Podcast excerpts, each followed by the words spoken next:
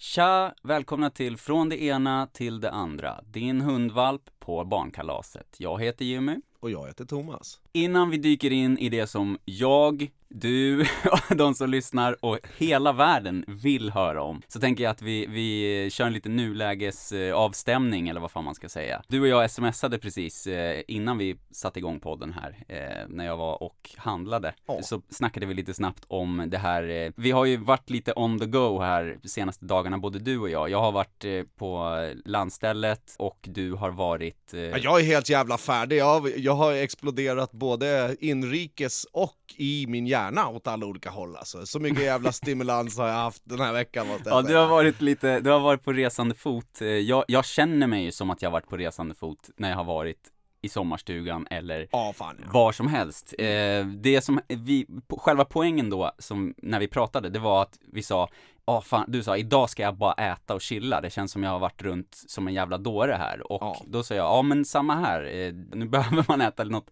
något gott, något nyttigt och nu tänker inte vi på någon jävla selleri doppad i jordnötssmör utan vi tänker liksom på riktig mat. Nej, selleri tänker vi fan aldrig på alltså. Nej, fuck selleri. Jag är inte så knösslig men selleri... Från två vegetarianer alltså. till världen. Fuck selleri alltså, det klarar jag mig utan. Om den inte är fint, fint hackad i en ceviche kanske till exempel. Men absolut inte för mycket. Ja, Det ska gudarna veta. det var klart du var tvungen att ta upp någon rå jävla chilensk fiskrätt som, som doftar Chilensk fiskrätt. Nu trampar du sydamerikaner på tårna alltså. Ja, men vad fan.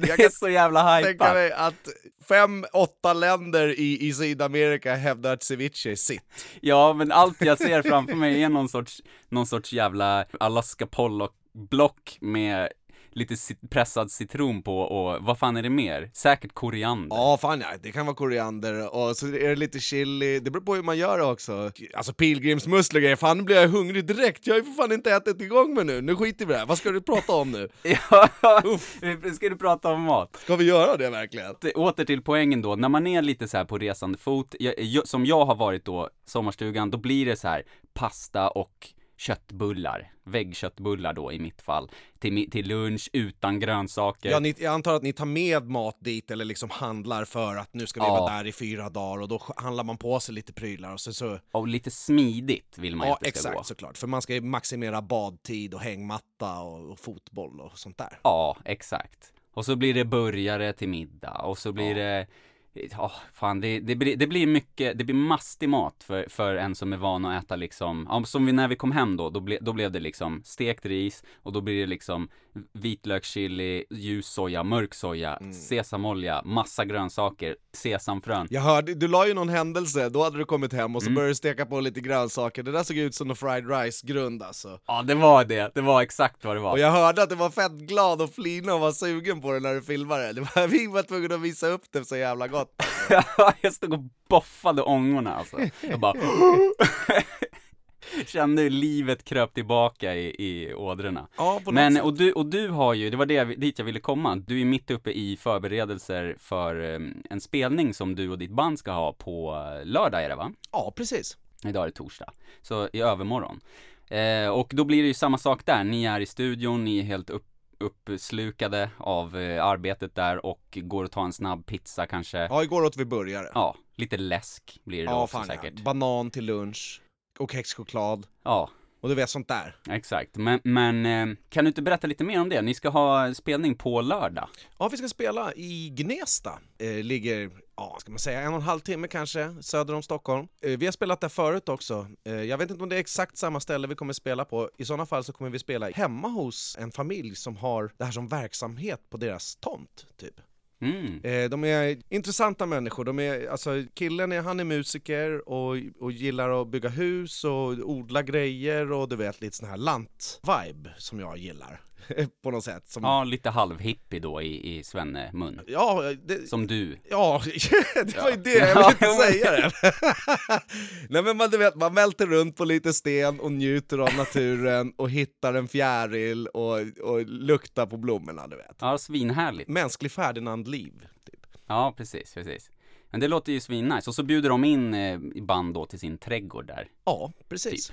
Och så, Ja, så har de gjort kul. fint och så liksom eh, sitter folk, eh, och, och, och folk i Gnesta verkar uppskatta det här och, och liksom i närområdet, för det här är ett hus som ligger helt ensamt ute vid en åker, så att man ser ett hus där borta och ett hus där borta, men det är liksom inga, inga skokartonger som står på varandra. Men folk tar sig dit och har picknickfiltar med och sitter och käkar lite där, några barn springer runt, de har getter där och sen så finns det lite växthus och liksom det är man är, mm. Alla som kommer dit är som välkomna hem till dem på något sätt. Och så bjuder mm. de på konsert och, och så här. Jävligt seriöst och, och Men man skulle fint. kunna säga att det är lite, en, lite som en, en svensk idyllisk version av det här Tiny Desk som de kör på YouTube. Där de liksom uppträder i kontorsmiljö och typ med anpassade instrument för det då. Det blir, det blir en jävla nära upplevelse för den som kommer för att se på ett band då. Ja det blir det ju, det, ja, exakt, och det, och det är det som är... Det blir lite trädgårdsmingel. Ja precis, det är det som är också, jag vet att de har haft konserter inomhus i deras kök och såna här saker också. Det blir så jävla, hela grejen med att man går på en konsert eller spelar, eh, för att mm. förra gången som vi spelade, då var det en massa andra band som också spelade där. Mm. Och eh, det är hela den här grejen att man, man tar bort, eh, eller man får in hemmet i det som eh, ska visas liksom på något sätt. Och det, så är det inte när man går på konsert eller man går på en festival eller man går till en park. Även fast man sitter i en park framför en scen och de sitter där och de spelar framför en och grejer så det finns en annan stämning för man är på något sätt hemma hos någon. Det, det blir mer respektfullt på något sätt. Ja, jag, du vet, jag, jag, jag, tänker att det är ingen som håller på och pissar i, i snett på toan och du vet att man, man tar hand om, om, om, om det så som man gör när man är hemma hos någon. Inte ute på krogen eller ute i parken eller du vet, så här, folk skiter i och ska någon fimpa, inte fan fimpar de bara på deras gräsmatta och låter deras ungar springa runt på de där grejerna sen och, Nej, precis. och du vet så här, så att, det är ju ytterst sällsynt att det är hemtrevligt på en spelning. Alltså ja, precis, även om det är, det är mysfaktor och, och, det är nära och, och litet ställe och sådär så blir det ändå väldigt sällan hemtrevligt. Ja precis, och det är det här på något sätt, på det här stället. Så det är ett jävligt mysigt ställe. Så det ska bli kul. Fan vad coolt. Det är första gigget på, på bra länge då. Ja, fan ja. Kan man anta, som för många. Ja, två år typ. Mm. Förra året blev det ju inte ett skit. Då blev det ju, då stängde, alla krogarna var ju stängda och allting tror jag. Jo men ett år har det ju typ varit igenbommat för, för livemusiker, alltså helt och hållet. Lite drygt ett år och innan det var det ja, diffust. Precis. Det har egentligen kommit igång här, i, ja i juli har det väl kommit igång. I USA har de ju också vridit på fullständigt, så nu har de ju precis, jag såg precis här nu, eh, de har en, en eh, betonad festival som, som heter Rolling Loud i USA. Det var 18 000 pers, inga läktare, alla bara på ett fält liksom. Ja, okay. Och det är ju ja det har man inte sett på jättelänge. Nej, det har man inte Men då antar jag att det är va vaccinationsbevis och, eller test som krävs typ. Ja, säkert någonting sånt. Så att det är ju verkligen på väg tillbaka då, apropå det vi har pratat om och, och du var lite det trodde det. vi ju inte för ett år sedan. Eller Nej, vi, vi pratade lite så här postapokalyptiskt, du vet. Eh, kommer det att bli som förut och grejer. Och är det 18 000 pers, okej okay, det är USA så att 18 000 är kanske ganska lite människor men det är ändå en stor grupp människor. Ja, på ett fält. Till, på liksom. samma plats liksom. För att dra en jämförelse då, jag vet inte hur många det är om man är på till exempel Friends Arena, hur många som står på golvet. Men jag vet att i Globen med golvet och läktaren så är det väl typ 15 000 drygt. Ja, det ska vara något det, Jag vet att det diffar lite upp och ner någon tusing beroende på hur stor scenen är och så, men, men runt 15 000. Så att det är skitmycket folk helt enkelt. Ja, verkligen. Eh, och eh, hur mycket jag än tycker om att prata om dig och mig, jag älskar det, så är det ju vissa människor som till och med fascinerar mig mer än vad du och jag fascinerar mig. Va? Och eh, vi har ju varit på, på, Kanye West lite, pratat om honom tidigare. Mm. Och eh, bara en snabb grej som jag såg här nu. Kanye West är ju en musiker, han är på gång med sitt tionde album. Eh, han har varit gift med, eller är fortfarande, men det är skilsmässa på gång med, mellan honom och Kim Kardashian. Han har två barn med henne. Eh, han är super, super känd och han är också superbipolär. Okej. Okay. Han har diagnostiserats och eh, släppte ett album med det temat och så vidare och så vidare. Han käkar litiumflingor till frukost. Eller så gör han inte det.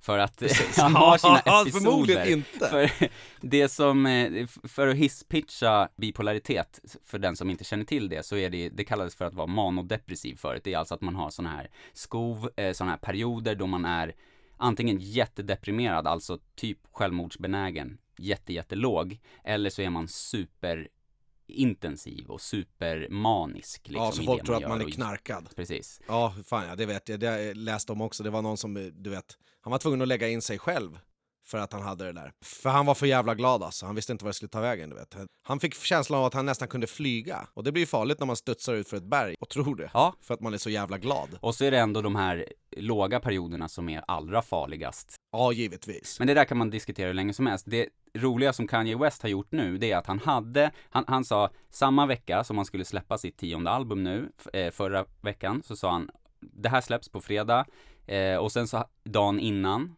på torsdagen, eh, för man släpper ju musik på fredagar nu vanligtvis. Så på torsdagen då, då hade han ett så här eh, lyssningsparty i en arena. Det var helt fullsatt, det var en sån här fotbollarena då, så hela läktarna var helt fullsatta och sen så på golvet så var det helt tomt, hela golvet, så det fanns ingen ståplats och där var han, bara han. Okej. Och sen så spelade de låtarna då och han hade då en röd Eh, en röd dress på sig, eller en, en outfit då som var liksom röda En eh, one piece. skinn, skinnbyxor, nej ingen one piece, men röda, skinn, röda, röda läderbrallor och typ eh, röd tröja och sen en röd dunjacka.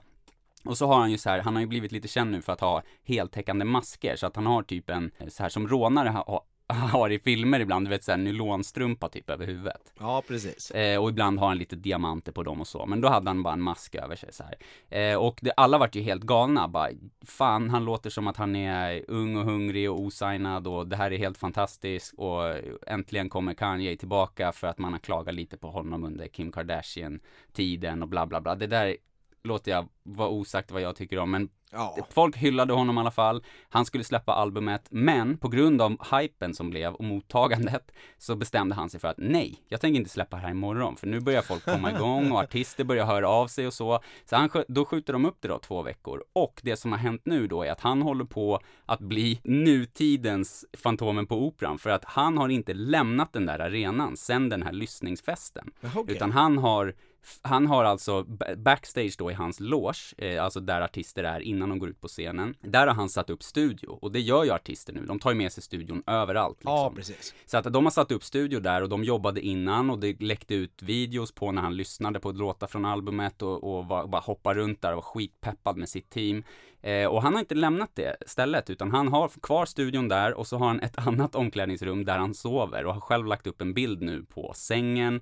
Väldigt sparsamt, en säng och så lite kläder typ och mobilladdare liksom. han bor ju på en Så han har stadion. inte lämnat den där arenan. Ja, och det roliga var att några dagar senare, efter det här lyssningspartyt, så var det en fotbollsmatch där. Mm. Eh, alltså inte amerikansk fotboll, utan soccer. liksom. Ja, fo- våran fotboll, ja. Ehm, och det är i Atlanta det här. Så att det var Atlanta FC då som spelade och då var han i publiken i samma outfit som han hade på lyssningspartyt några dagar innan. Så att folk ser honom nu som Fantomen på Operan då, så för er som inte känner till det, var ju liksom en, ja vad fan ska man säga, en, en lirare, en mindre behaglig Ja, karaktär precis. som liksom glider runt under i tunnelsystemen och uppe på vinden och grejer på den här operan då. då liksom. Ja, exakt. Eh, så att det var, tycker jag var lite intressant att eh, hur mycket man kan liksom hänge sig åt sin konst då. Och det är ju verkligen det här, det är, det är ju de där, sådana där historier har man ju hört om liksom, om så här gamla konstnärer och kompositörer och så som har nästan blivit tokiga av sin kreativa process. Och eh, här är ju att nosa på det kan man ju säga. Ja, det skulle man ju kunna säga. Det är ju liksom... Okej, han kanske ska skilja sig med Kim där och hela det där faderullat, men flytta rakt in i, en- i, i en stadie. Förmodligen så känner han någon jävla vibe där, att uh, jag måste stanna här för det här finns det, det här ger eh, inspiration och kreativitet Precis. att vara här på det här stället. Och sen Mm. så är ju han av den magnituden så att det är klart han kan få boka upp två rum till sig själv ett halvår på en fotbollsstadion. Ja, självklart. Eh, vilket inte du och jag kan. Men eh, det är intressant att han då använder sig av eh, energin. Precis. För det är det jag tycker, jag, jag kan inte särskilt mycket om Kanye West och grejer, men han är ju energisk Ja, på verkligen. något sätt. Han ser slö ut, Excentrisk. men man märker ju, ja exakt på något sätt. Eh, och så tar han tillfället i akt med det här då, och byter ut sitt lyxiga Beverly Hills-liv mot att bo där sparsamt och, och Mm. hänge sig då till till konsten. Det tycker jag är, är fett. Och så är det kul att han också går ut med sina kläder och tittar på fotbollsmatchen och du vet, han tar en paus och grejer. Det känns lite bränt. Ja, verkligen. Eh, Men eh, att, det är som, hela den grejen gör ju att, nej men jag bor här nu. Du Ja, vet, lite precis. sådär. och bara glider runt liksom. Man ser framför sig hur han bara gick ut ur studion och så bara, vad händer här? Ja. Med samma kläder som han hade där liksom. Men ja, men det är precis som du säger, det är som att vi brukar prata om det här med att, att man ska dy- att dyka upp på halva jobbet och att fånga blixten i sin flaska, springa Mm. runt med sin öppna flaska, fånga blixten, sätta på locket fort som fan innan den rymmer. Ja. Det är lite det som att skapa musik är för mig nu. Eller som nu när vi poddar så här. vi dyker upp här, så får vi se vad som händer. Och det var det han gjorde, och så var det en sån jävla energi så att han kan, han kan inte fysiskt lämna den där arenan för att det var så jävla bra energi och han måste skapa, skapa, skapa liksom. Så förmodligen så är det ju inte ens samma album som skulle släppas, som kommer släppas sen, utan han gör ju säkert helt nya grejer, för han är ju känd för att göra Ja, så. nu gör ja precis, nu gör han massa nya prylar och sen så kanske det kommer några bonus tracks eh, som de lägger på sen om ett par månader. Ja, Eller någonting sånt där. Det är kul ändå att, att han ska släppa album och så bara nej, cheap in, jag måste göra mer. ja. Du vet, istället för att släppa det och sen göra mer ändå. Ja men exakt, och, och folk har hypat upp det bara som att det här är fantastiskt, det är hans bästa album och folk runt honom som twittrar och bara Ni är inte redo Så kommer han inte släppa det säkert. Nej, det är så album. han gör. Och så släpper han nya, så kommer han bli råsågad alltså. Sen är han nere i mörkret igen. Ja, förmodligen. Det var ju så han gjorde för att när han skulle släppa sitt album Jesus, som det heter, och inte Jesus, utan Jesus, för han kallas för Yeezy. Och det var samma sak då, för då, då Rick Rubin, som är en välkänd musikproducent, alltså han är som ett orakel, och så spelar folk sina album för honom, sin musik, och så ger han sin feedback liksom. Och då skulle Kanye göra det, och då sa han liksom så här, ja, jag kommer förbi, men jag ska dra till Paris om, om tre timmar typ. Så att han liksom kommer till Rick Rubin, och så spelar han upp så här skisser där han liksom mumlar melodier och låtarna är halvfärdiga, ibland inte ens halvfärdiga och då är det liksom, då ska albumet släppas typ på fredagen och så är det typ måndag och så ska han till Paris om tre timmar. Så det är så här, han, han är liksom otroligt impulsiv märker man. Ja. Men eh, ja, det är som sagt, det där var bara en, en liten eh, side-note som var, jag tycker var jävligt fascinerande apropå det vi har pratat om och det där är ju verkligen definitionen av en, en tokig konstnär som liksom inte kan lämna sitt verk utan måste fortsätta fila på det Ja, på något och sätt. är, är liksom luktar illa och är långhårig och skäggstubb och grejer så här och, och lite tokig blick liksom. Ja. att, eh, men eh, ja, det, det är ju någonting fint. positivt. Han gör någonting positivt då av manin då kan man anta. Ja, precis. Man det, det får man gilla. Men eh, skit i Kanye West. Nu är det ju så här att helvetet har frusit till is, grisar flyger och Ja. Thomas Lindstedt har skaffat sig en liten hund. Ja, en liten hund alltså. Jycken. Ja, Hulken heter han. Hulken, så jävla bra namn alltså. Eh, Det är ju för att han är, alltså han väger, inte fan alltså han väger ett kilo kanske. Ja, Åtta veckor och så jävla gullig. Så i, som tagen ur en Lambi-reklam. Ja, men Lambi, den där jävla Lambi-fåret, den är fett ful om man jämför med Ja, verkligen. Får- verkligen. ett får. Det blir en är sån där jävla ja. trasig får som kutar runt full med fästingar alltså. Ja, ser ut som en, en så här eh, genmanipulerad blomkålshuvud typ. Precis. Inte din hund alltså, Nej utan precis, Lambi, utan. Lambi-fåret i jämförelse med min Ja, hund. nej jag hoppar rakt på rödbetan här. Eh, För er som inte har lyssnat tidigare och kanske kommer in nu och så här. Du har ju lite, några trauman som är kopplade till hundar. Jag hatar hundar. Ja, du hatar hundar, det är det som är... Avskyr dem. De flesta. Ja. De får inte lukta illa, låta eller komma nära. Inte tigga mat, inte leka, inte äta strumpor i- eller tofflor och skit. Inte bajsa så man ska behöva ta upp den. Eller ja, inte vara i närheten utan vara ute och jaga grejer i skogen. ja. så, skogen, så har det känts Ja. i mitt liv efter alla bett och ja, jakter och skit. Man skulle kunna säga att du har haft en vinklad upplevelse av hundar. Du har haft lite oflyt kan man säga, utan Aningen. att överdriva. Ja, lite Men oflyt. eh, vi har pratat om det tidigare, du har blivit terroriserad av, av boxrar på vägen hem, eller hela din tonårstid. Mm. Men din familj har ju velat ha hund en längre tid. Det är det som är, om vi tänker att du tar vid där nu och sen och berättar hur, hur har hela den här processen gått då, fram och tillbaka? När vände du? Så att säga. Alltså, eh, Har du vänt? ja det är klart jag har vänt fan. Det tog, det, Mm. det, alltså, när vi hämtade hunden, då tog det fyra sekunder så vände jag. Ja. Men eh, alltså Amani han har tjatat om hund sedan han var sex, Kingston med sedan han var sex, och så har det typ vuxit på Sonja. Sonja trodde inte heller att hon skulle ha en hund. Eh, och vi har innan barnen haft en katt, men då blev jag allergisk mot den och så var vi tvungna att göra oss av med den och såna grejer. Och jag har vuxit upp med husdjur i hela mitt liv, och Sonja har också gjort det. Men katter, Mm. vilket vi inte kan ha nu och då har det på något sätt bytts ut mot, mot en hund så att de har liksom arbetat mig lugnt och fint och jag då, du vet, svurit mig lite fri. Jag kan det säga. Då, jag ser framför mig hur de liksom har satt upp affischer där du ska passera, typ såhär ovanför toan där du, när du står och pissar så du ska se gulliga hundar och grejer. Ja, nej men ett, ett och annat screenshot har ju kommit in i meddelanden och såna här Det saker. Och. TikTok-hundar och, och du vet, så här grejer. Ja. Så att jag har ju liksom vant mig vid dem. Ja.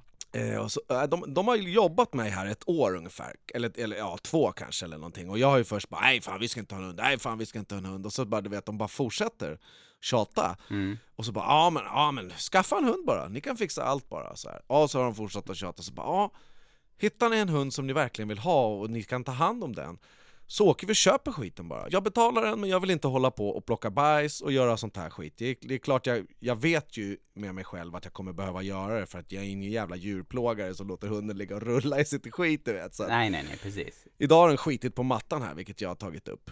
Så det är liksom, Ja. eh, det är sånt som händer. Luktar det gott? Beskriv doften. Nej det luktar inte ett jävla skit för jag höll ju andan och, och sprayade Ja. spritspray. Det sprang fram med radar. Aningen mycket papper i handen också, och sen tvätta efter. Ja.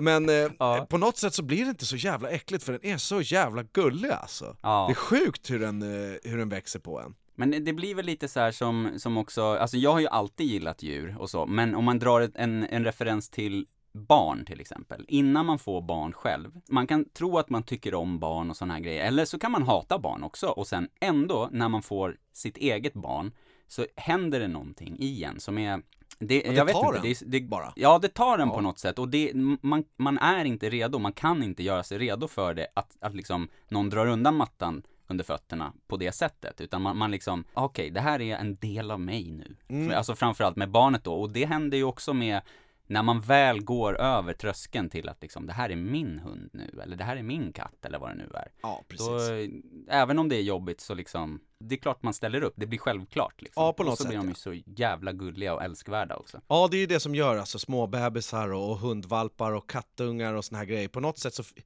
är det ju inprogrammerat i människan och, och djuren att tycka att de är så jävla gulliga. Det finns ju alltså, du vet såna här, Mm. fan de där hundarna med bubbelögon och grejer, alltså jag tycker de är fett jävla fula när de är stora. Ja. Och så är de valpar.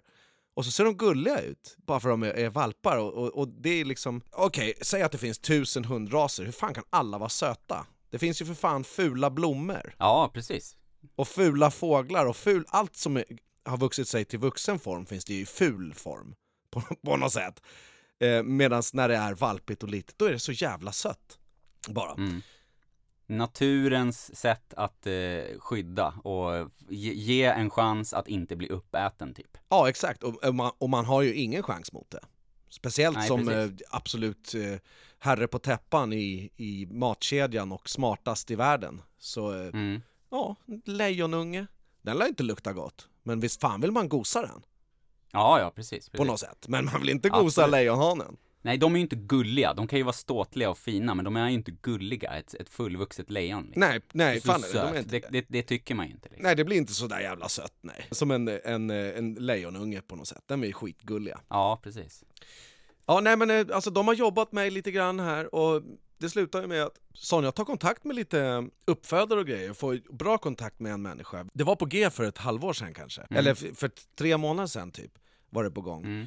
Men då nekar de, då fick vi inte köpa den hunden och hon, vill, hon vet vilken hund som hon vill ha. Jag har inte varit med och valt ras eller något sånt där skit, utan jag tänker att det, det är vilket som. Ja. För att jag visste ju inte hur, hur, hur hårt det heller skulle slå på mitt hjärta. Nej, och så var det inte viktigast för dig, utan det var ju viktigast för de andra. Sen anpassar vi, du dig, ja, ja liksom. precis, exakt. Det, det viktigaste är ju att de får sin hund som de kan älska och, och ha det härligt med, så att alla får sina Mm. viljor igenom på något sätt. Man vill ju att alla ska vara glada. Och, och blir man glad över en hund, då är det klart jag kan ha en hund för fan. För deras skull. Inte så att de är särskilt ledsna innan, men man vill ju krydda livet och vardagen på något sätt. Ja. Men eh, alltså hon får tag på en hu- hunduppfödare strax utanför Göteborg i ett, i ett område, eller ett ställe som heter Carl Gustav. Vilket jävla namn. Ja, he- hela stället heter Carl Gustav. eh, och, och, och, Jag bor i Carl Gustav. Ja, Okej. exakt! Fan ja! Och så jag bara, kan jag få adressen? sa jag till Sonja dagen innan. Hon bara, Carl Gustav. Och jag bara, du vet, jag sökte, vadå Carl Gustav? Vad fan, man måste ju bo i en stad eller på en väg eller, du vet, man bor ju inte i ett jävla Ja. namn. Sa jag. I tvåan på Carl Gustav. Nej men alltså bara så här liksom, Carl Gustav, ah, okej, ja, ja, men, ja, och sen får vi en fullständig adress och då heter hela jävla området Carl Gustav va? Mm. Eh, ligger strax utanför Göteborg, nära Varberg, Mm. en halvtimme från Varberg. Längst ut på en jävla väg. Och, eller jag, jag kollar ju på GPSen hur lång tid, ja det ska ta sex timmar ungefär. Mm. Och det är ju ganska mycket körning, men vi tänker så ja vi åker tidigt på dagen och sen åker vi förbi Jönköping, för det är trevligt så in i helvete med Vättern där. Ja, och bra hus, det här gamla klostret som en snubbe byggde till, eh, han skulle bygga till sin fru och hon dog eller någonting sånt där. Och eh, Mm. så blev det aldrig färdigställt. Eh, och så står det bara som en, en, en ruin där nu. Mm. Eh, skitfint på en hög kulle. Högt upp? Ja, högt upp som fan. Ja. Och, och Vättern är där nere liksom. Och Visingsö som ligger i, i Vättern. Vättern är en sån jävla stor sjö. Man ser ju till andra sidan här och där. Men det är så jävla stort så det känns sjukt att det är en sjö. Ja, det känns som hav liksom. Ja, på något sätt. När vi, vi, vi Ja. åkte givetvis och bada, för det är ju det. Det gillar ju att bada. Så då tänkte vi att då ska vi bada i Sveriges största sjö. Mm. Och så hoppar man i och då, och då vet jag, alltså, när jag, när jag badar i saltvatten även när jag är hemma, så man vill helst inte ha in saltvatten i munnen, för det är muggigt saltvattnet om man jämför med Ja. Mm. sötvatten i munnen. Det är inte, det blir, i- alltså sötvatten ifrån en sjö, det är inte så jävla gott, men saltvatten det är äckligt. Så jag, jag håller för munnen sådär, mm, så, som man gör, att man inte ska få in vatten och, och lite hit och dit. Men sen så bara, fan det är ju en sjö för helvete, så jag var tvungen att smaka Mm. på sjön. Jag har inte badat i Vättern förut. Jag har åkt förbi den många gånger men jag har aldrig varit där och badat och därför tänkte jag att det vill jag göra det. Så jag var tvungen att smaka lite på Vättern och det var ju trevligt. Och det var sött. Eh, Så vi badade en stund där. Givetvis hade vi varit förbi Gränna också som ligger i samma område. Eh, Sveriges polkagrismecka. Ja, precis. Där kan man ju kolla när de gör polkagrisar. Det är ju Grännas nisch. Att ha en liten stad nischad på ett slags godis. Som inte säljs på massa andra ställen. Sådana här, så här violpolkagrisar, det kan man inte köpa någonstans. Det har jag aldrig hittat. Men varje gång jag åkt förbi Gränna, då har jag köpt det där. Vilket är Ja. jävligt gott. Så att, Det är ju otroligt eh, så här, stanna till-vänligt också för att man passerar ju på många resor genom ja Sverige ja, och sådär. exakt. Så att, Och det är liksom, eh, ja men det, Gränna är ju trevligt, men vi tog bara en snabbis in dit för att köpa godis och det spelar ingen roll om man stannar i första kiosken. Det här är ett litet tips till alla som ska åka förbi Gränna. Vill man kolla på Mm. byn så är den jättemysig, man kan gå och fika där och kolla när de gör polkagrisar och allting sånt där. Men i första kiosken som kommer, där kan man köpa alla typer av polkagrisar och kolla när de gör polkagris. Om man inte vill in på sightseeing och fara omkring där inne.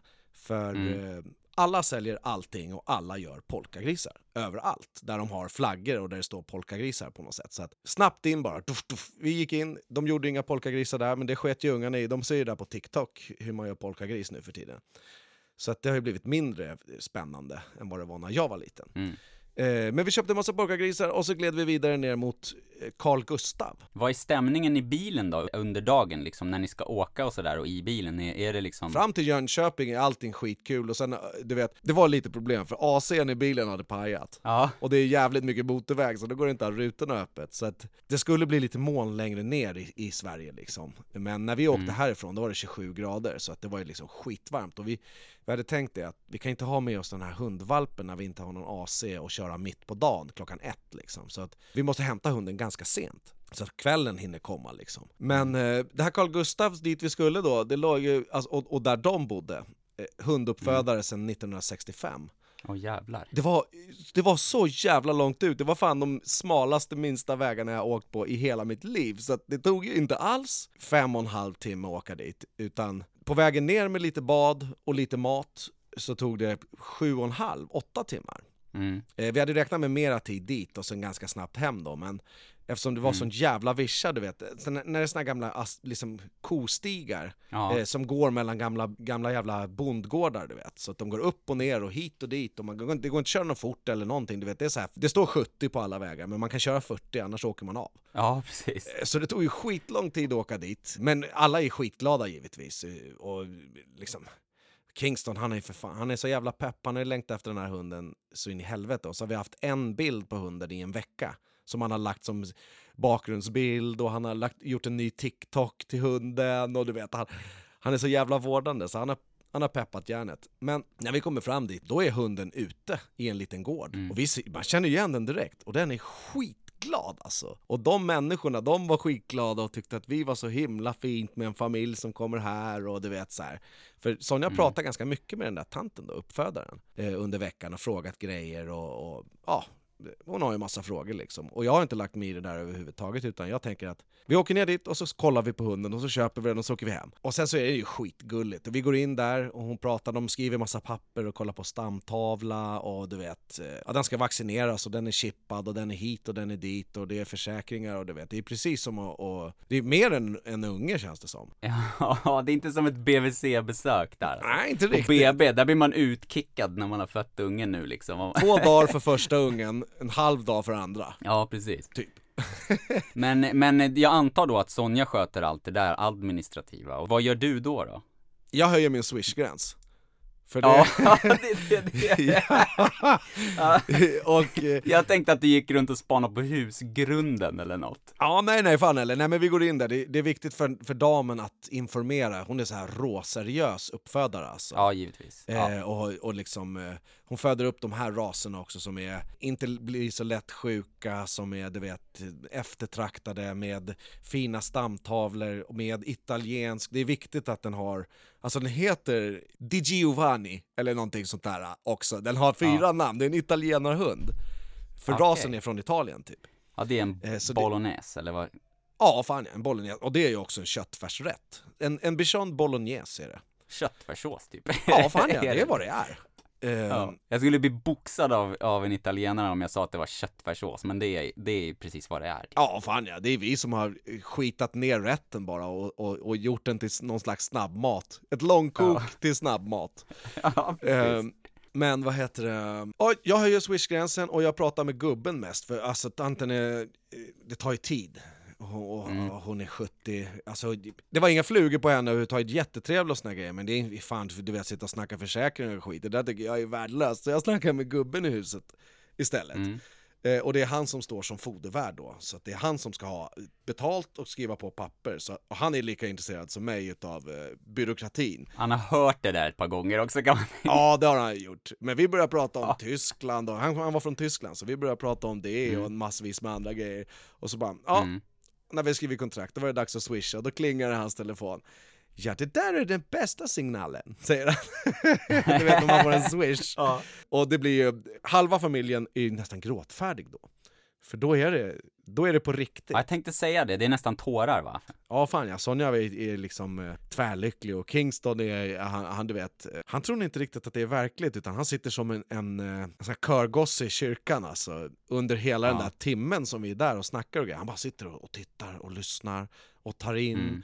och du vet, han verkligen lär sig vad hon säger och vad, vad de gör, Mm. pillar på papperna och så har de en, Mm. eh, mamman till hunden, den kutar ju omkring där väldresserad som fan och skitgullig. Den med, även fast den är stor liksom, utan den är inte alls framfusig eller något sånt där, utan den tar kontakt på något sätt med Mm. var och en utav oss under tiden mötet där, så vi klappar på den och den vet ju att det är någonting på gång. Det fanns ju också en känsla av sorg för man, man lyfte ju iväg valpen från ett syskon och morsan och morsan har ju varit med om det här. Det var hennes sista avling och man får avla honor fem gånger i deras liv. Mm. Eh, Så att hon har ju blivit av med 10 valpar, 15 valpar i livet. Mm. Så hon vet vad som är på g. Man märker. Jag gav den ingen uppmärksamhet men den kom fram till mig och, och liksom peta på mig med sin nos lite grann så här och, och Mm. där, tyck, där tyckte jag att jag fick en människa-djurkontakt alltså. Det, hon var ledsen, Ja. mamman. Det var lite så här, fan, ta hand om honom nu Ja, liksom. d- den tanken, är, den formar man själv som människa. Ja, självklart, Men- självklart. Men, Men, hon, eh, känslomässigt ja, så var det det som sades, kan man tänka sig. Ja, fan ja. Och hon var ledsen, för det var ju liksom, eh, man märkte att hunden inte var, det var inte kul, tyckte hunden. Så det var lite tungt, och det tänkte alla på liksom, eh, i sin egoism. Men på något sätt så är det ju, den där hunden skulle ju stött bort sin valp om ett halvår, i alla fall. Ja, precis, det är naturens För gång. de är ju, alltså hundar, ja det är naturens gång, det är bara att man liksom rycker den från rötterna på något sätt. Och, och det fanns en, en känsla av vemod i all den här lyckan. Mm. Eh, och så direkt när vi kom ut i bilen, då, då är det riktigt på riktigt. Vi lägger han i en slags, en slags väska man har i bilen, har de fixat. Och då säger Kingston också så här, fan, eh, synd om mamman. Sonja bara, ja, och syrran. Och du vet så här, så det är en känsla av, det blev en riktigt blandade känslor, vemod och superlycka i samma veva på något sätt. Mm. För vi känner ju med, eh, man applicerar ju sin mänskliga bild av världen på uppbrottet på något sätt. Ja, ja, absolut. Och inte Alltså, fan vet jag, så valpen kanske har glömt sin morsa nu och morsan vet jag i mitt hjärta har inte glömt valpen.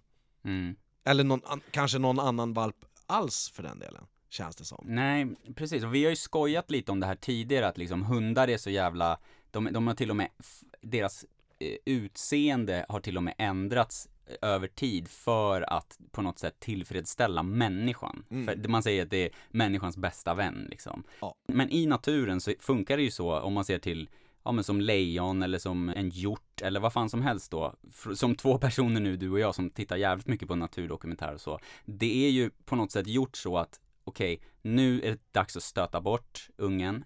Klarar den sig inte, då är det inte meningen liksom. Nu måste den lära sig klara sig själv för att sen klara sig i det vilda. Ja, fan Så ja. är det ju inte riktigt för hundar. Plus att Men- det, bor de för nära varandra så blir det ju inavel också. Och det skadar ju alla djur. Ja, precis. Jag såg nu förra veckan en dokumentär om tigrar. De liksom, tigerhonan då får söner, fick en hona och, och hon fick äta sist, så det räckte inte maten. Så till slut var hon tvungen att liksom emigrera och hitta ett eget revir och slåss för att liksom kunna jaga själv och, och överleva typ. Men tillbaka till hunden, där, det är inte riktigt så för hundar och de där känslorna är ju högst verkliga, för så är det givetvis. Men rent objektivt så är ju vi människor experter på att problematisera allt Ja, absolut. liksom projicera våra Vi sätter ju våra tankar och våra värderingar och känslor på situationer. Exakt. Man tänker stackars eh, den här hunden nu och sen så känner man känslorna då av lite ångest och lite ledsamhet och sådär. Ja, Men exakt. jag fattar precis vad du menar för givetvis är det ju så för att de, de bor ju tillsammans och ni kommer ju dit och, och hämtar en unge liksom. Så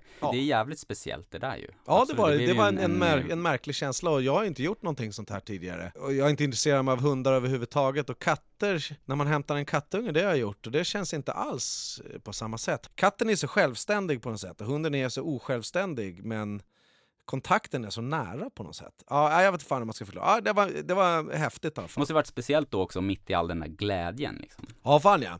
Och de var ju också glada för att alltså, de är ju vana vid det här och allting sånt där. Och vi är glada. Det var ju mest lycka liksom. Och sen så kom den där swishen, då blev ju gubben helt tvärglad och då började han prata ännu mera. Ja, jo, de gör ju pengar på det Han där. älskade sin telefon. Ja, ja, klart de gör massa pengar på det där. Och har gjort det hela sitt liv, så de är ju helt vana vid det på något sätt. Men ja, vi får in hunden i bilen i alla fall. Den lägger sig på rygg på filten och, och bara, du vet, vi tänker att ja, den kanske börjar gnälla, den kanske blir lite åksjuk eller den kanske börjar sakna sin morsa eller tycker att det är, du vet, den har aldrig åkt någon bil. Eller liksom såna här saker. Hon har begränsat ytorna för att det var viktigt med hur man fostrar en hund och hur man lär den och såna här saker. Så hon gör det direkt. Mm. Men eh, då lägger den sig på rygg och så somnar den och då kör vi ett streck hem bara, rakt av. Mm. Eh, för att, eh, ja, när vi lämnar hennes hem där, då är klockan sju, kvart över sju. Och då vet ju jag att det här Carl Gustav, det ligger inte alls fem timmar hemifrån. Så jag börjar tänka så här, fuck, jag kommer ju komma hem för i helvete mitt i natten och vara skittrött. Och så kanske vi behöver stanna om hunden spyr och du vet sådana grejer.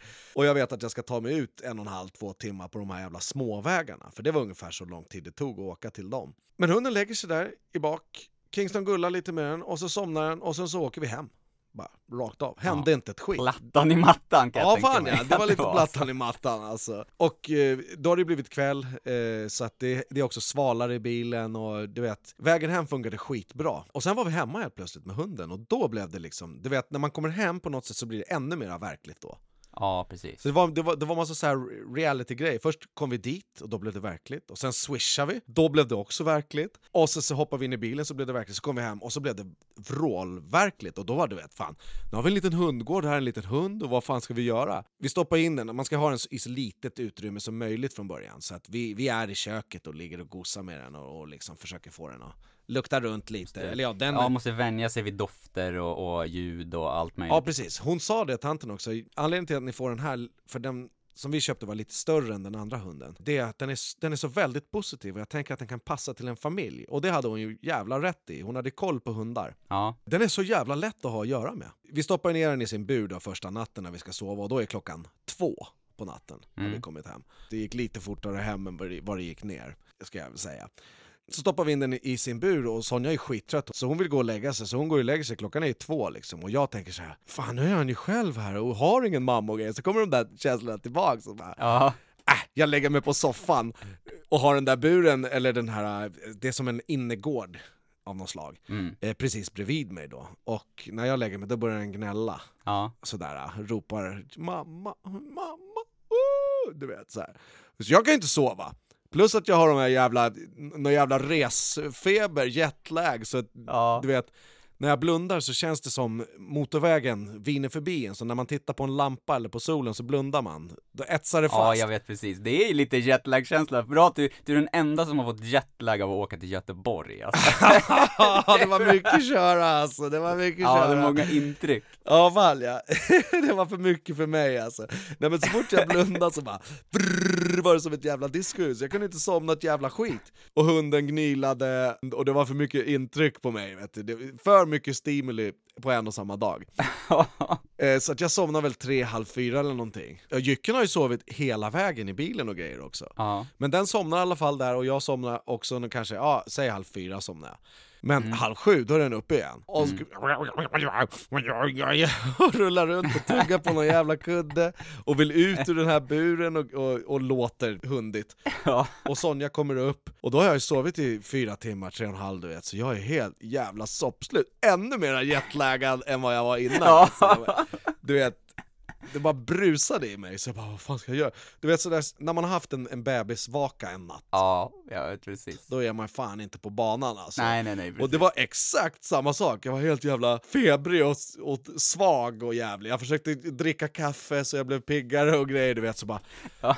Nej jag klarar inte av det, jag måste gå och lägga mig efter typ två timmar, så jag måste gå och lägga mig, så, så bara, ska jag gå och lägga mig igen, och sen så, ah, hunden sover i samma veva, och sen låter den där, och jag vaknar direkt du vet, efter en kvarts sömn kanske. Och jag- bara yrar runt här, det, är ingen, det blir- blir ingen riktig mat, det blir ingen riktig av någonting, och sen så försöker jag efter några timmar ta mig en nap nummer två, och då går det bättre, då sover jag kanske en halvtimme eller någonting. Men eh, det var exakt sådär slut som jag blev, apropå att det har varit en intrycksfull vecka. Så jag är fortfarande inte återställd, och nu är det fyra dagar sedan. Och den dagen eh, då du vaknar upp och har sovit sådär lite och, är sådär febrig och öm, du, den dagen drar du också och eh, repar inför det här gigget va? Ja det gör jag ju, och presterar så jävla dåligt. Jag, är, jag har ju koncentrationssvårigheter så in i helvete, och är jag trött eller hungrig, då är jag det, jag, jag klarar inte av att göra ett jävla skit annat än att tänka på Eller Göteborgs jetlaggad. sömn och mat tänker jag på. Ja. Hur mycket jag än koncentrerar mig så sticker tankarna iväg mot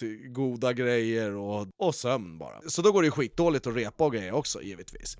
Men vi gör det i vilket fall som helst, och träning är träning. Det gäller att uppehålla det på något sätt. Showing up is half the job. Ja, absolut. Och så kommer jag hem och, och tänker att den här, nu, nu, det är, då, nu är vi på tisdag kväll klockan 10 och, och då tänker jag att nu jävlar, nu är det fucking min tur i livet att gå och lägga mig och sova. Ja, Så, så ska jag gå och lägga mig och sova, och så ska hunden också sova. Samtidigt vid 10 ska den gå in i sin bur, och Sonja var ju också trött för ingen här har ju sovit något bra, eller liksom alla ansträngt sig på olika sätt och vis. Ja. Och då börjar hunden glyla igen, låta på sitt jävla hundvalpsvis, och kan inte jag sova. Då tar det en timme att somna in säkert. Den låter inte så jävla länge, men man ligger och lyssnar på den, och man ser vad som händer, och hit och dit. Och Amani han har gå- gått ut, så jag, säger, jag somnar 11, och hunden somnar Mm. 11. Klockan 12 när han kommer hem, då vaknar ju hunden. Och börjar skita in i den där jävla buren, ja. och pissa, och fara runt, och pipa och grejer. Så det, du vet, jag, jag har somnat in som, som någon jävla seriefigur alltså. Och sover så jävla sött med sätan som susar ovanför huvudet. Och så kommer Ser ut hem, som Kalle Anka i den där jävla husvagnen då när du blir så känns det ju, det känns som att bli slappad av det där lakanet alltså. Ja. Ja, han dundrar ju in precis som vanligt, men ta det försiktigt och grejer. Och där blev jag lite så som jag var på månaderna förut, ganska rak och kort. jag går till Amanis rum, för då är klockan 12 eller något skit, och jag är, jag är inte sugen på att bli väckt efter en timmes sömn. Varken av Nej. honom eller av hunden eller av ett jävla skit. Jag har längtat efter den här jävla sömnen. Ja, Eh, Så jag går in i hans rum och säger För fan, du kan inte gå förbi hunden och äta äpple, för han låg och åt ett äpple när jag kom till hans rum, jag hade ingen jävla aning om det. Alltså du vet. Och han bara, "Nej, men vadå, jag tog det jättelugnt Ja, ja, ja, ja, så jag var du vet inte överdrivet, men jag var ju för jävla fånig och tyckte synd om mig själv. han är det. Eh, och sen upptäckte vi då att, att han har skitit i den här lilla hundgården och... Drog den suck eller två då? Ja fan ja, och, och Ja. det som är roligt, att jag säger till Sonja, det här får du fixa och grejer, Det- jag skulle inte fixa med det här, jag skulle köpa hunden och sen så skulle jag få vila för fan. Jag skulle köpa mig tid. Ja. Och det gick ju inte, men på morgonen när jag vaknar, för jag, jag gick bara och la mig och Sonja fixade allt det där. Ja. Men på morgonen när jag vaknade, då trodde jag att det var jag som hade fixat det. Var fortfarande lite irriterad över att, att jag skulle behöva hålla på med det här mitt i natten efter allt det här. Ja. och, så, och så var det i fantasin bara. Det var inte alls på riktigt att det var så, utan Sonja gick upp och fixade allt. Ja, Och jag somnade om som en stock igen. Jag är bara brände genom huset och skällde lite på allt. ja och trodde att du hade Eh, fixat allt. och, ja, fan, ja, och väckte Sonja efter två timmars sömn istället för att ta hand om skiten själv alltså. så jag var ju någon jävla halvslummer. Delirium. Jag, jag skäms lite när jag tänker på det, men eh, nu har jag tagit upp min beskärda del av skitar, ska jag säga dig. Ja. Eh, För den där jäveln, han är inte rumsren. Han sköter ingenting. Nej. Med tider och sömn och grejer. Varje gång man går förbi, då ska han vara vaken och hit och dit. Vad fan. Ja, men det, det var som jag sa precis innan här nu, när jag sa ja men vi kör om eh, fem minuter då, du bara ja det blir perfekt, hunden sover, Sonja kommer snart. Som om du, du tänkte då att hunden skulle fortsätta sova så som en människa som har somnat för natten, så att du bara kan gå och göra din grej. Hunden hade ju tyckt det var skitkonstigt om du satt och började snacka in i en mikrofon där då liksom. Ja förmodligen, för de har ju, det, det är det som är hundsömn. De är ju liksom... Ja, upp och ner och upp och och ner ut och och- upp och ner, precis. Så att, Ja. ja, tre minuter efter vi snackade om det där och jag hade preppat här för podd och grejer, då var han ju vaken. Eh, Så då var vi tvungna att skjuta på den där, den här obligatoriska strulkvarten. Och sen kom Sonja hem och allting hade löst sig, så nu sitter vi här ändå. Ja, Eh, men precis innan det så har han skitit här på en matta som jag var tvungen att sprita och du vet det som jag berättade innan. Så det blir många sådana där små panikgrejer men eh, det är för jävla gulligt måste jag säga och eh, nu med facit på hand ska jag säga att jag är nöjd Ja. över köpet. Inte bara för familjelyckan utan för mig själv och för hunden och, och eh, på något sätt så, så händer det någonting med hela familjen när hunden kommer in. de är så jävla glada. Ja, på något sätt ja. Och, och den här, ja, men han har inte slagit mig på fyra dagar. Du vet, han, du vet, Herregud! han har inte, det är helt sjukt, det kommer jag på nu. Han kan inte gå förbi mig utan att dra någon punch eller kobry eller du vet, brösta upp sig lite eller du vet, så här som man gör. Som en jävla ungtupp helt utan förstånd. Men han har inte hotat mig en enda jävla gång Nej. sen vi skaffade hunden. Så Nej. att, givetvis påverkar den Och ju sen när, när, positivt. när hunden har blivit bekväm och sådär också, då, och han kommer komma fram och slå dig, då kommer hunden börja skälla och grejer också när han börjar slåss. Så. Ja, säkert ja. ja då, då blir det ju fight med den också ju. Nej men det, det låter ju skithärligt och, och som sagt det är ju jävligt, jävligt färskt så att det kommer ju bara bli lättare och lättare och lättare och ehm, det blir ju som, som sagt liksom Hunden är glad att se en hela tiden. Det är jättelätt att göra en hund glad. Ja, exakt. Även om det är bökigt och så här. Ibland är det ju mycket bökigare att göra en, en bebis glad. Ja, så in i helvete Alltså det är också relativt lätt. Men, men, eh, ja. Det Ja, finns nej mycket men en sån där varm skrikande bebis med lite baja i en barnvagn vet du, en timme Mm. hem. Lite sår i arslet, Ja, det är inte kul alltså. värmeutslag. Det finns inget att göra mot, mot tårarna, utan man måste bara ta hem det till basläget på något sätt. Och då kan det bli bättre. Men en Precis. hund är så sagt, det kan man ju bara ta en strumpa och slänga på den. så är den skitglad alltså. Ja, han bara nafsar runt där. Och det är ju det som den ger på något sätt, så att alla är ju, alla är ju Mm. verkligen skitglada hela tiden. Nej, fan vad nice alltså. Vi, vi, vi, innan vi avslutar i all den här glädjen och värmen så ska du få ett tips från mig nu, Ja. nu när du är en hundmänniska och du ska kommunicera med... Ja, jag blir en fullblods hundmänniska. Jag gillar Ja, precis. alltså jag, tanken på stora bitande hundar är fortfarande jävligt långt bort från mys och trevligt. Det här är, det här är inte som en sån där vanlig hund, det här är, alltså nu när den är valp också, då är det mer som en, en liten grej. Ja, ja, ja, men jag fattar, jag fattar vad du menar och det är ju, men det är som om du tänker att du har din egen lilla bebis som luktar gott och som luk, är bara för dig och din familj och sen så ser du en ful... Hundjäveln blev ju blöt häromdagen apropå lukta gott, då luktar den inte gott alls, det har jag glömt bort. Nej. Hundar luktar ju skit så in i helvete när de blir blöta. Det gjorde ju även den här lilla valpen. Ja, det är Usch. klart. ja, det kommer, det kommer du få bli varse. Ja fan, i marsslasket. Ja, precis. Men nej, men jag skulle säga var, det är som om du jämför din egna lilla bebis som luktar jättegott med en, någon annans fula, finniga tonåring som du inte känner. Ja, liksom... ja, fan, det var en bra jämförelse. Men, men på något sätt så blir det så här, det blir ganska extremt också för hundmänniskor är väldigt så här att gillar man hundar så gillar man hundar och då ska man gilla alla hundar och man ska prata med alla andra hundägare om hundar och sådär. Ja, då, ja, det är lite som en klan du vet. Det är de hundägarna som inte gillar smällar, de går ihop och kampanjerar ihop och grejer hit och dit. Det där är, Exakt. jag känner ingen tillhörighet till hundägarlivet utan jag känner tillhörighet till min familj med hunden. Snarare än att jag börjar gilla alla möjliga hundar plötsligt. Mm. Fan, Men då är det lite mer så som när man får barn, det är inte säkert att man gillar alla andra barn, men man kanske pratar då med andra föräldrar om barn, för att man har det gemensamt. Ja, och precis. då ska jag ge dig ett tips som, som du kan ha som en gyllene regel för att bli mycket, mycket mer accepterad av andra hundägare och för att få för att få ett bättre flow helt enkelt. Mm. Sluta säga den om hunden. Om du vet könet på hunden så säg hon eller han. Det är kul! För du säger den hela tiden och du har sagt det 160 gånger det här avsnittet bara, men jag tänkte jag väntar till slutet. Och du skriver det till andra hundägare också om den, fast de har skrivit kanske ett tjejnamn och så. Det, ha det som gyllene regel. Pro, prova det och se var, hur de smälter. Ja, Hon ja det ska jag han. prova, tack. Jag måste träna på det. Ofta, man kanske till och med ska snabbt lära sig namnet på hundar. eh, På hundar. Ja, precis. Ja, det Snabbare är otroligt lära sig namnet på uppskattat. hundarna än själva ägarna. Fan, tänk om man skulle göra det om bebisar, om man bara skulle säga den hela tiden. Kul Lägg ju! den på soffan. Det ska jag börja göra. Ta med den. Ja, fan, den där är ju rödhårig! Ja, precis. Peka på Ta med den bara. Ja, ta med den!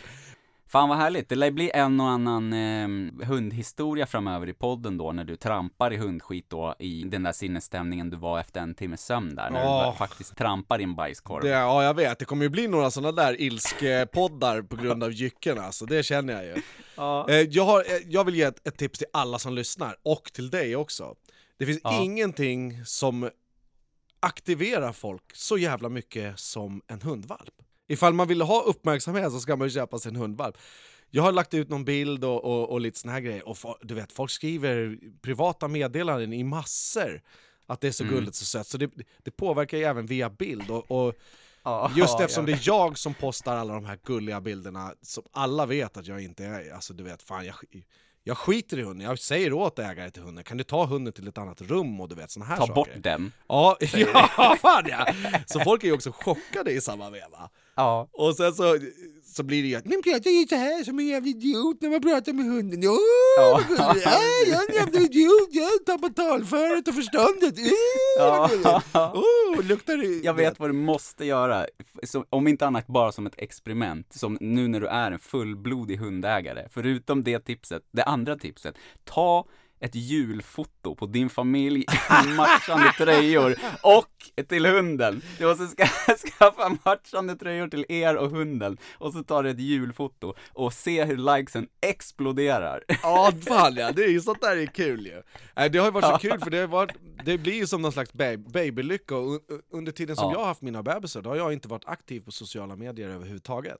Nej. Eh, så att det är det som slår mig, spelar ingen roll vad man lägger ut, hur fint det är att man är ute i skärgården eller att man har fiskat eller vad man gör så här. En hundvalp aktiverar mänskligheten. Verkligen. Eh, och eh, på något sätt så, man öppnar ju sidor hos sig själv på något sätt. I acceptans och, och grejer gentemot andra människor. Exakt, men när du pratade om det här, här med dina öron förut för något avsnitt sen, Mm. när du hade problem med öronen och, och verkligen mådde dåligt, även psykiskt av det, Ja. så kände du dig mer empatisk inför människor som mår dåligt och som lever med smärta. Och här är det samma sak att nu kanske du kan förstå människor som har sådana här relationer till sina hundar och som, hur, vi, hur mycket kärlek det finns där.